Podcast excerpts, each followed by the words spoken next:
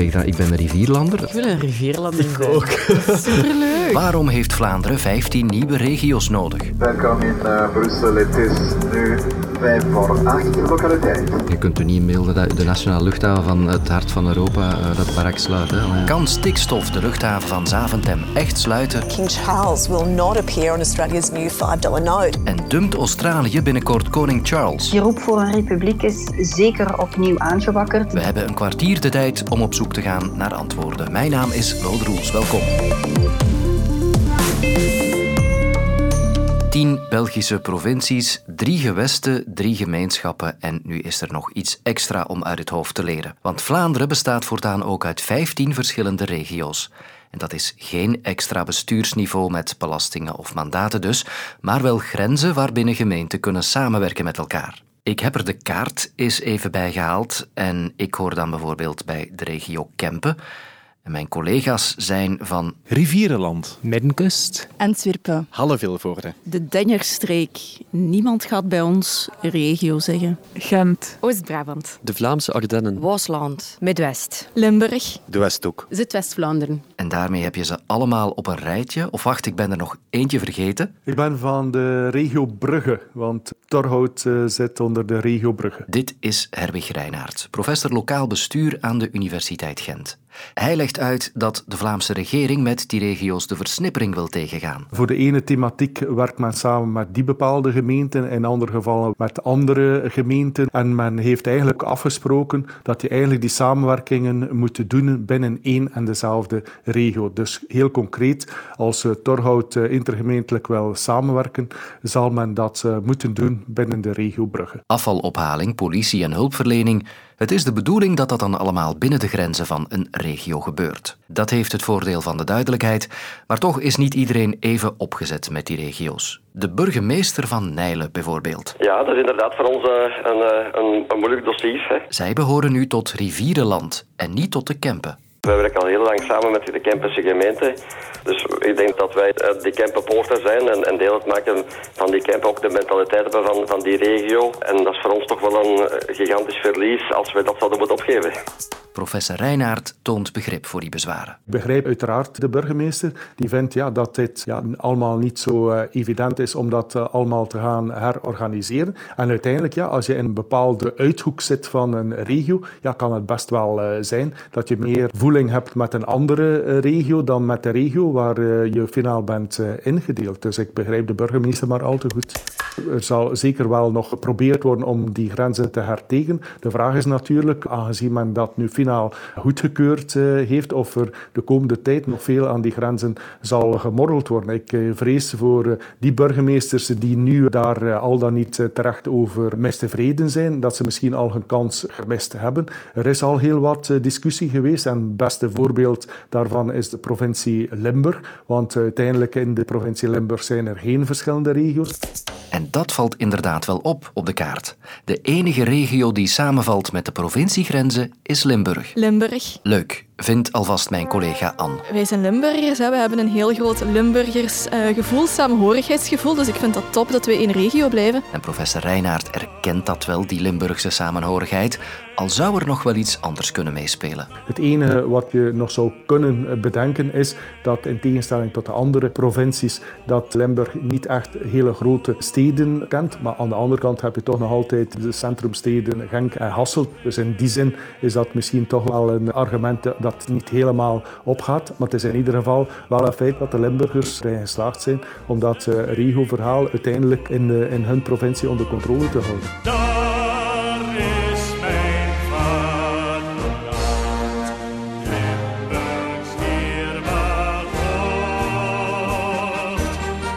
Maar die regio's, is dat nu een goed idee of niet? Ik ben zelf van meet af aan vrij uh, sceptisch geweest, omdat ik uh, denk van, ja, eigenlijk uh, creëer je misschien een soort van mini-provincies. Het is uiteraard niet helemaal hetzelfde. bovendien heeft het de indruk dat er een nieuwe politieke bestuurslaag wordt gecreëerd. Dat is niet het geval. Ja, voor de mensen wordt het van langsom minder duidelijk hoe het eigenlijk concreet in elkaar steekt. En dus in dat opzicht denk ik ja, dat we voor wat de regio's betreft zullen moeten afwachten of finaal dit een goede zaak zal zijn of niet. Maar uiteraard, de regio's moeten ook hier het voordeel van de twijfel krijgen. Maar twijfel is er in ieder geval, denk niet alleen bij wetenschappers, maar ook absoluut ook op het terrein. Beste, tot de volgende. De luchthaven van Zaventem, Brussels Airport officieel. Vorig jaar goed voor zo'n 19 miljoen passagiers, 234.000 vliegbewegingen en 60.000 jobs. Maar mogelijk staat dat allemaal op de helling. Want de luchthaven heeft tegen volgende zomer een nieuwe vergunning nodig. En dat lijkt plots een probleem. Een stikstofprobleem. De stikstofuitstoot in Vlaanderen die is te hoog. Dit is Lonne van Erp van onze politieke redactie. Die uitstoot die komt van de industrie, de transport, de landbouw en dat zorgt voor problemen, voornamelijk voor de natuur, want die verschraalt door stikstof. En Europa verplicht haar lidstaten daarom om bepaalde natuurgebieden te beschermen en te herstellen zelfs. Maar dat betekent ook dat de regels strenger moeten en elke sector zal daarvoor inspanningen moeten doen. En zo komen we ook bij die luchthaven uit, want ook die zorgt voor heel veel stikstofuitstoot. En die ligt ook nog eens vlak naast het Floordambos. Dat is precies zo'n stukje natuur dat door Europa aangeduid is en dus beschermd moet worden. Heeft de Vlaamse regering een plan om de uitstoot van stikstof te beperken? Niet echt. Tenminste, er was wel een stikstofakkoord. De Vlaamse regering is het daar ongeveer een jaar geleden eens over geraakt. Maar daar kwam heel veel protest op, vooral vanuit de landbouwsector. En ook binnen de regering wordt er ondertussen opnieuw over gediscussieerd, want de NVA die wil het stikstofakkoord van een jaar geleden zoveel mogelijk uitvoeren zoals het afgesproken was. Maar CD&V, voor wie de boeren trouwens een heel belangrijk kiespubliek zijn, lijkt toch een aantal dingen grondig te willen herbekijken en dat zorgt voor spanningen en ook voor een hoop onzekerheid. Ja. En dus ook onzekerheid voor de luchthaven van Zaventem. Hoe nijpend is hun probleem? Wel, die moet tegen midden volgend jaar ongeveer een nieuwe omgevingsvergunning krijgen. Niet alleen om te kunnen uitbreiden zoals ze willen, maar ook om verder te mogen blijven bestaan. En daarbij zal dus ook rekening gehouden worden met die stikstofuitstoot. Minister van Omgeving Zoal Demir waarschuwde dat het dan mogelijk een probleem zou kunnen worden als er niet snel duidelijkheid komt over dat nieuwe stikstofkader. En in principe kan er wel een vergunning afgeleverd worden zonder een nieuw wettelijk kader, want er is wel een tijdelijke stikstofregeling. Maar de luchthaven stoot nu eenmaal heel veel stikstof uit en de kans is groot dat die voor haar vergunning een soort van uitzondering zal moeten krijgen. Nu, zolang er geen definitieve stikstofregeling is, is nog maar de vraag of ze die ook zal krijgen, want als er geen stikstofkader is, waarop krijg je dan een uitzondering? Nu goed, dat de luchthaven geen vergunning meer krijgt en dus zou moeten sluiten, dat lijkt toch ondenkbaar. Gwendoline Rutte van Open VLD zei dat vandaag ook nog eens. Ik kan me gewoon niet voorstellen dat we de nationale luchthaven van dergelijk economisch en strategisch belang, dat we daar geen vergunning zouden geven, kan ik me gewoon niet voorstellen. Dat lijkt me heel erg dom. Ja, Lonne, hoe realistisch is het dat de luchthaven zijn vergunning verliest? Ja, daar volg ik mevrouw Rutte in, want ik denk dat die kans behoorlijk klein is. Ik denk dat iedereen wel inziet dat de luchthaven een heel groot economisch belang heeft en dat er dus alles aan gedaan zal worden om te voorkomen dat die haar vergunning verliest. Uh, misschien dat eerder die uitbreiding die ze voor ogen hebben mogelijk nog in het vizier komt, maar dat is niet aan mij om te beslissen natuurlijk. Dat komt op het bureau van minister Demir, gelukkig. Ik ben Wouter de Wulf, transporteconoom aan de Universiteit Antwerpen en Antwerp Management School. En ook hij denkt niet dat Brussels Airport volgend jaar dicht gaat. Er zijn eigenlijk geen historische precedenten dat dat gebeurd is, maar het zou natuurlijk wel kunnen zijn dat een, luchthaven uh, al dan niet tijdelijk zijn omgevingsvergunning zou verliezen. Dat kan wel. Wat kan de luchthaven heel concreet nu doen om de uitstoot van stikstof te beperken? Ja, wat men in andere landen doet, is men uh, geeft grote kortingen aan vliegtuigen van het nieuwere type, die een heel stuk minder CO2 en minder stikstof uitstoten. Dat is al één, één mogelijkheid. De tweede mogelijkheid is uh, dat men toch kijkt om met grotere vliegtuigen te gaan, te gaan werken, die dus meer passagiers kunnen uh, vervoeren. En uh, het aantal bewegingen, dat men daar misschien toch probeert te kijken om daar eventueel wat in, te gaan fine-tunen. Wat men in Nederland ook gedaan heeft bijvoorbeeld, men kan ook stikstofrechten opkopen. Net als je voor CO2 een heel degelijk uitgebouwde markt hebt tegenwoordig voor CO2-rechten. De stikstofrechten die staan nog een beetje in de kinderschoenen, maar er is ook al een markt voor stikstofrechten. En Nederland heeft ook recent, Amsterdam Schiphol Airport heeft ook recent een veertiental stikstofrechten van boerderijen opgekocht, van varkensboerderijen in, de buurt. Eh, maar dat is ook nog een derde mogelijkheid. Wouter de Wulf, dank u wel. Breaking news, the Reserve Bank has decided to update the $5 note to feature a new design that honours the culture and history of First Australians. Op munten zal je hem wel nog kunnen zien, maar op het Australische bankbiljet van 5 dollar verdwijnt het beeld van koning Charles, het officiële staatshoofd van Australië. De koning maakt plaats voor beelden van Aboriginals, dat zijn de oorspronkelijke inwoners van Australië. En dat maakt daar heel wat los. Charles should be on our toilet paper rolls, not on our money. Finally, this is great for Indigenous people. En ook de naam van krokodillenjager Steve Irwin wordt veel gesuggereerd. Steve Irwin was a legend and should be on the banknotes. Crocodile, snakes and tiger sharks. Just leave it the way it is. There's dead people on the other notes. Is dit alweer een stap op weg naar een Australische republiek? Met andere woorden, krijgt het land binnenkort een president als staatshoofd en niet langer een koning? Ik vraag het aan correspondente Evelien Masco in Perth. King Charles is natuurlijk nog altijd het officiële staatshoofd van Australië. Dus daarmee is het wel een beetje een breuk met de traditie om dus geen koninklijke kop meer op een bankbiljet te zetten.